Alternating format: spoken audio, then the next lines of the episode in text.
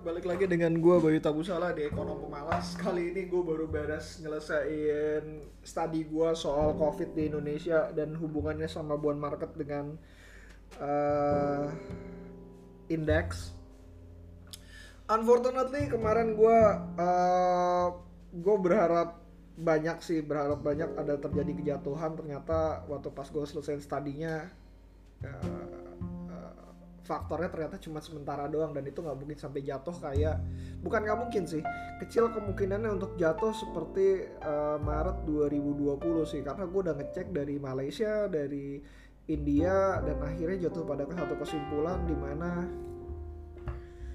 uh, ketika COVID-nya naik di second wave karena India dan Malaysia sudah selesai mau selesai lah mudah-mudahan mereka beres jadi kita juga bisa ikutan beres dan uh, second wave dan kalau misalkan uh, terjadi kenaikan second wave tersebut ternyata emang marketnya bergejolak cuma sebentar doang kurang lebih kira-kira seminggu sampai dua minggu doang. Di Indonesia gue ngerasa waktu pas kemarin bergejolak cuma dua hari doang.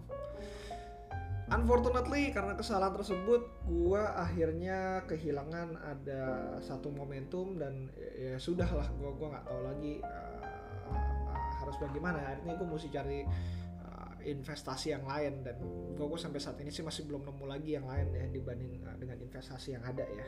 Jadi uh, mungkin gue masuk bull market untuk sementara sih kalau misalkan gue punya kelebihan. Nah somehow somehow uh, bukan itu yang pengen gue bahas kali ini tapi mengenai to naratif jadi temen gue waktu pas gue kemarin ngobrol sama beberapa aset manajemen gak beberapa sih satu orang doang sih satu orang aset manajemen uh, akhirnya jatuh pada kesimpulan sebenarnya uh, valuasi di Indonesia sekarang bukan masalah price to earning ratio, price to uh, growth, PEG atau price to sales atau PBV, cuman lebih banyak sekarang karena didorongnya sama investor retail. Even gue ngerasa kayak di US juga ya, kayak di US sekarang dengan ada Wall Street Beat dan lain sebagainya akan lebih banyak didorong sama uh, naratif dari Uh, perusahaan itu sendiri. Jadi perusahaan itu sendiri uh, punya punya narasi tersendiri yang di mana bisa bisa mendorong perusahaan itu untuk naik. Contoh khasnya yang sekarang mungkin DCI sama satu lagi uh, Indonet gitu, Indonet dan sekarang menurut gue momennya dalam satu tahun ke depan itu gue ngerasa bahwa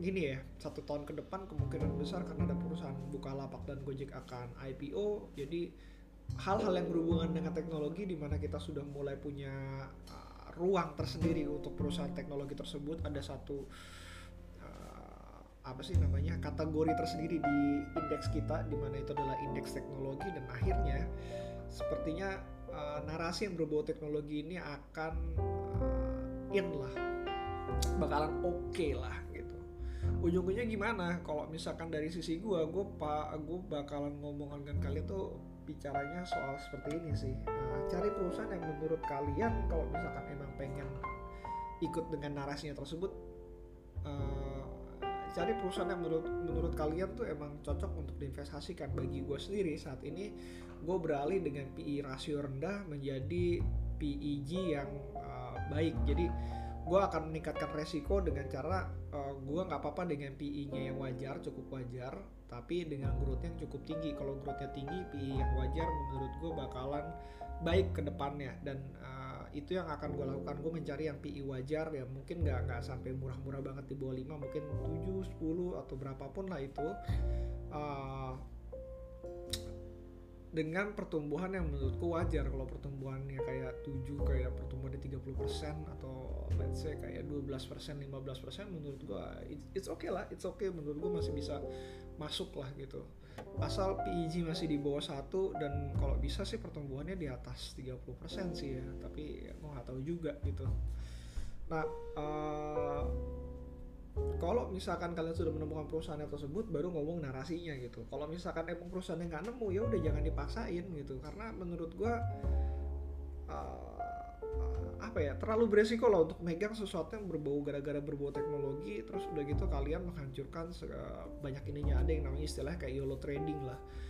Uh, let's see kayak gue kemarin waktu pas gue join di grup uh, di grupnya US itu benar-benar ada satu orang yang dia cinta banget sama Peloton uh, kodenya Peton.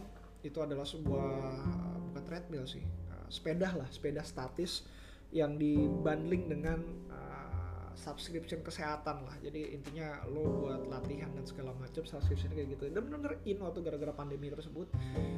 Uh, sekarang dia masih tetap terus memegangnya juga. Contoh hal yang lain mungkin menurut gue dari sisi uh, apa ya gue awal-awal gue ngerasa kayak uh, Roaring Kitties Roaring Kitties yang dia bet untuk GME adalah seorang yang wajar gitu. Jadi kayak uh, tesisnya wajar dan segala macam. Sekarang gue ngerasa kayak dia karena riding the wave dan gue ngerasa kayak apa ya kayak dia berkuasa terhadap informasinya tersebut akhirnya dia bertahan di GME tersebut. Padahal akan jauh lebih banyak saham-saham yang murah saham-saham yang lebih baik lagi menurut gua dibanding GME dan dia bisa betting lebih baik lagi. Don't get me wrong gua di US sendiri masih dalam kondisi keadaan rugi karena uh, gua ya balik lagi gua ngomong bahwa ya gua betting on options dan itu sulit untuk diprediksi. Dan gue ngerasa gue respect dengan dengan dengan orang-orang kayak yang Peloton dan si GME tersebut dan akhirnya mereka bisa berhasil meningkatkan modal mereka yang dari mungkin sekitar 50 ribu ada yang dari peloton kalau nggak salah singkat singkat gue sih kayak cuma 30 ribu 30 ribu apa 80 ribu lah kurang lebih sekitar segitulah menjadi yang kayak satu juta dolar lebih gitu. Dan GME ya kalian pernah dengar sendiri itu dari 50 ribu jadi 34 juta dolar. Dalam waktu satu tahun setengah. Dan itu menurut gue bukan hal yang mudah gitu untuk bertahan dengan kondisi kayak gitu. Apalagi itu adalah semua life saving yang lu punya. Artinya dia benar-benar uh, benar-benar uh, apa menganalisa perusahaannya itu dengan benar sih ya, dengan dengan baik istilahnya gitu. Dan dia betting heavily dengan apa yang terjadi dengan tesisnya tersebut. So uh, balik lagi sih gue gue ngerasa kayak uh, ya, istilahnya sekarang yang muncul itu price to naratif tadi itu price to naratif di Indonesia sendiri kalau misalkan menurut gue kayak istilah kayak apa ya? Uh, betting on uh, mungkin istilah kalau misalnya di Indonesia ngomongnya betting on rumor ya tapi kalau menurut gue kayak rumor tersebut harus bisa dikuantifikasikan istilahnya social arbitrage kalau misalkan di luar negeri yang yang gue pernah bilang juga beberapa kali social arbitrage itu kurang baik sih sebenarnya kurang baik kurang kurang ada. Dan gue ngerasa kayak ada beberapa hal yang menurut gue ya menurut gue kayak bisa di social arbitrage cuman gue masih belum berani untuk masuknya. Contoh uh, dengan noise noise itu singkat gue Mahaka Media ya. Mahaka Media cuman gue nggak tahu bagian mana yang investasi dan uh, kelihatannya kalau misalnya gue ngeliat feed Instagram gue ada banyak banget yang noise beberapa kali muncul. Let's uh, dan again itu cuma feed Instagram gue gue belum ngecek dengan sisi hashtag dan segala macam apakah itu benar-benar uh, lagi in atau enggak atau kok cuma sekedar fat doang. Yang gue butuhkan adalah bagaimana sustain trend gitu sustain trend di mana itu bisa uh, cukup bertahan lah istilahnya sehingga gue bisa mengambil keputusan dari situ nah uh, apalagi kalau misalkan dari sisi gue sih tadi ya apaan? Sustain trend tuh lebih penting gitu. Itu itu lebih penting dibanding cuma sekedar lu uh, rumor doang gitu. Rumor itu cuma bertahan kayak beberapa saat tapi kalau lu bisa sustain trend berarti lu bisa mengambil keuntungan di situ dan nggak banyak nggak banyak perusahaan di Indonesia yang menurut gue kayak misalkan kalau ngomongin kayak Gojek, Bukalapak, Tokopedia, mungkin gue bakalan bilang gue suka sama Tokopedia tapi gue nggak suka dengan Gojeknya gitu.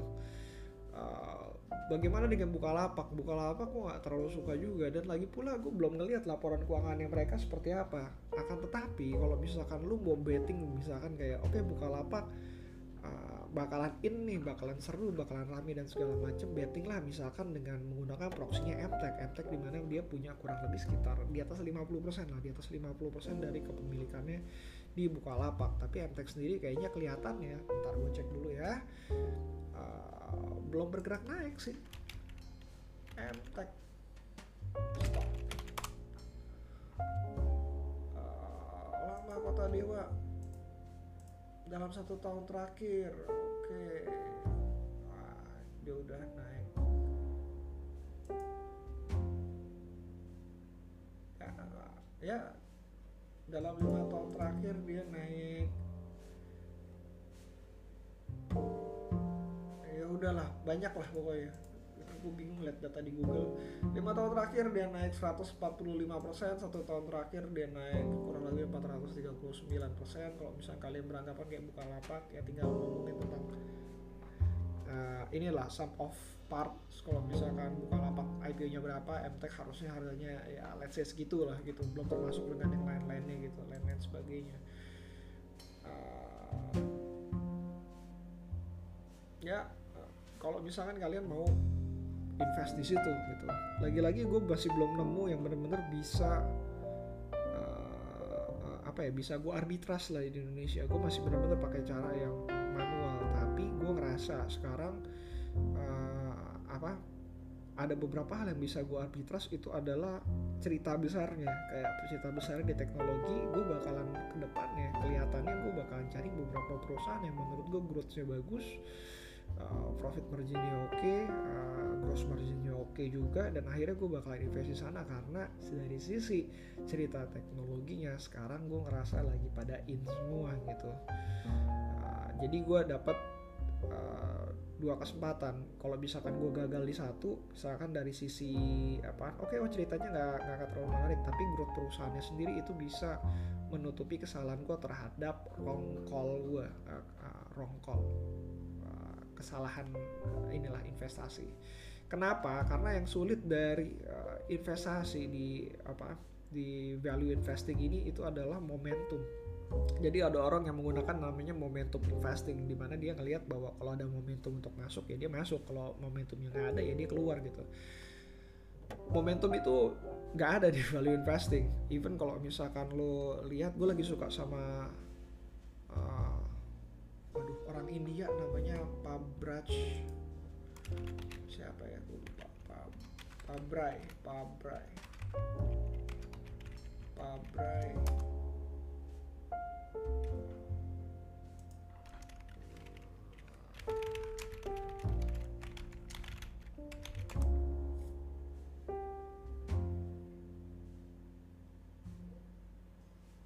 Oh, oke gue gue lupa gue lupa namanya. Uh, gue gue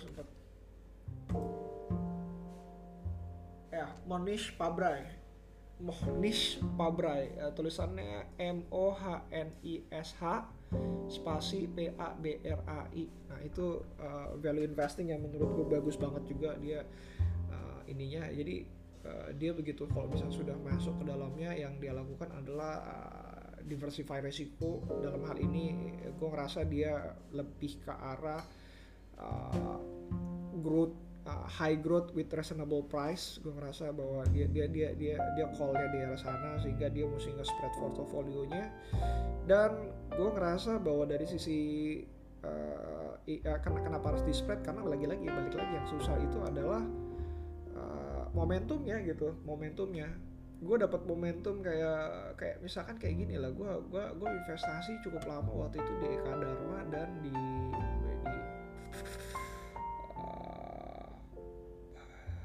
gue lupa lagi nama perusahaan retail di Indonesia yang ada di GI sih. Uh, uh, bukan MAP tapi satu lagi uh, intinya adalah gue gue investasi di dua perusahaan tersebut gue ngerasa growthnya menarik uh, valuasinya cukup murah.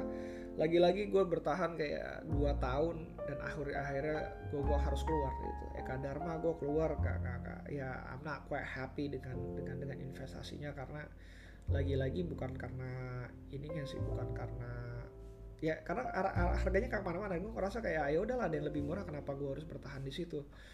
Uh, turn out begitu gue keluar setahun kemudian dan itu waktu yang cukup lama juga jadinya kan. Satu tahun kemudian dia baru merangkak naik dan uh, sampai sekarang uh, Eka Dharma dihargain dengan harga yang cukup wah gitu kan. Gue beli kalau nggak salah di angka 700an atau berapa ya lupa ya Eka Dharma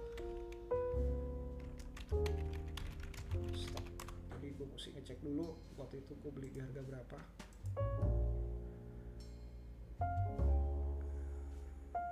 Ya ya ya kurang lebih sekitar 700an singkat gue gue gue gak beli di paling rendah banget sih. Nggak gue nggak beli di 500an gue beli 700an dan sekarang harganya 1400 ya it's quite okay lah quite okay lah range market sorry. Iya bener gue gue sempet di ini apa di Supra Boga jadi range market waktu itu gue beli di angka 400an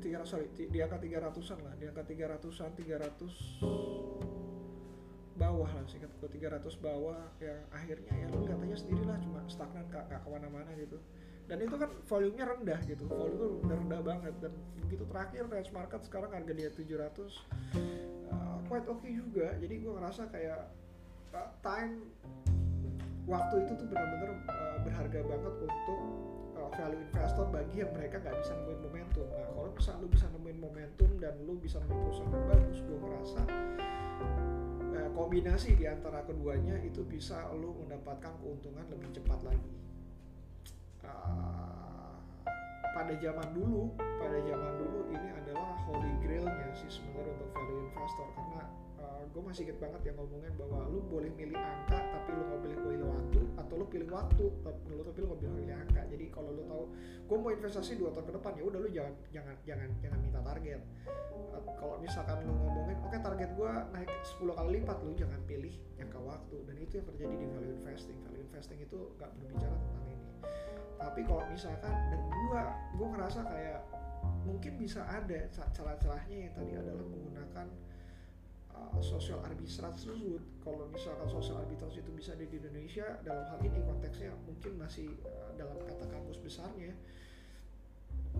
uh, ya kita bisa riding the wave-nya gitu riding the wave. Kayak sekarang kemarin sebelumnya itu mungkin sampai sekarang kayak bank-bank bank-bank PBV rendah waktu itu. Uh, bukan sorry bank-bank buku dua itu benar-benar wah tapi gue gue nggak bisa masuk ke bank buku dua karena valuasinya udah terlalu mahal dan gue baru menemukan satu perusahaan teknologi yang menurut gue oke okay lah gitu gue untuk bisa masuk. Uh, kita lihat hopefully apakah benar-benar uh, bisa bisa berhasil atau enggak. Uh, mungkin gue bakalan ngomong bicara dengan uh, di apa di, uh, bicara tentang ini di uh, podcast gue ke depannya ketika gue mungkin gue udah exit gitu. Oke, okay, uh, see you again next time. Baik, kalau ada pertanyaan balik lagi ya uh, bisa di uh, Instagram gue. Kalau misalkan lo nggak mau Instagram pertanyaan lo panjang lo bisa ke uh, email gue di bayutabusalet@gmail.com. Uh, kalau misalnya gue ada kesempatan gue pasti bakalan balas. Uh, see you again next time. Bye.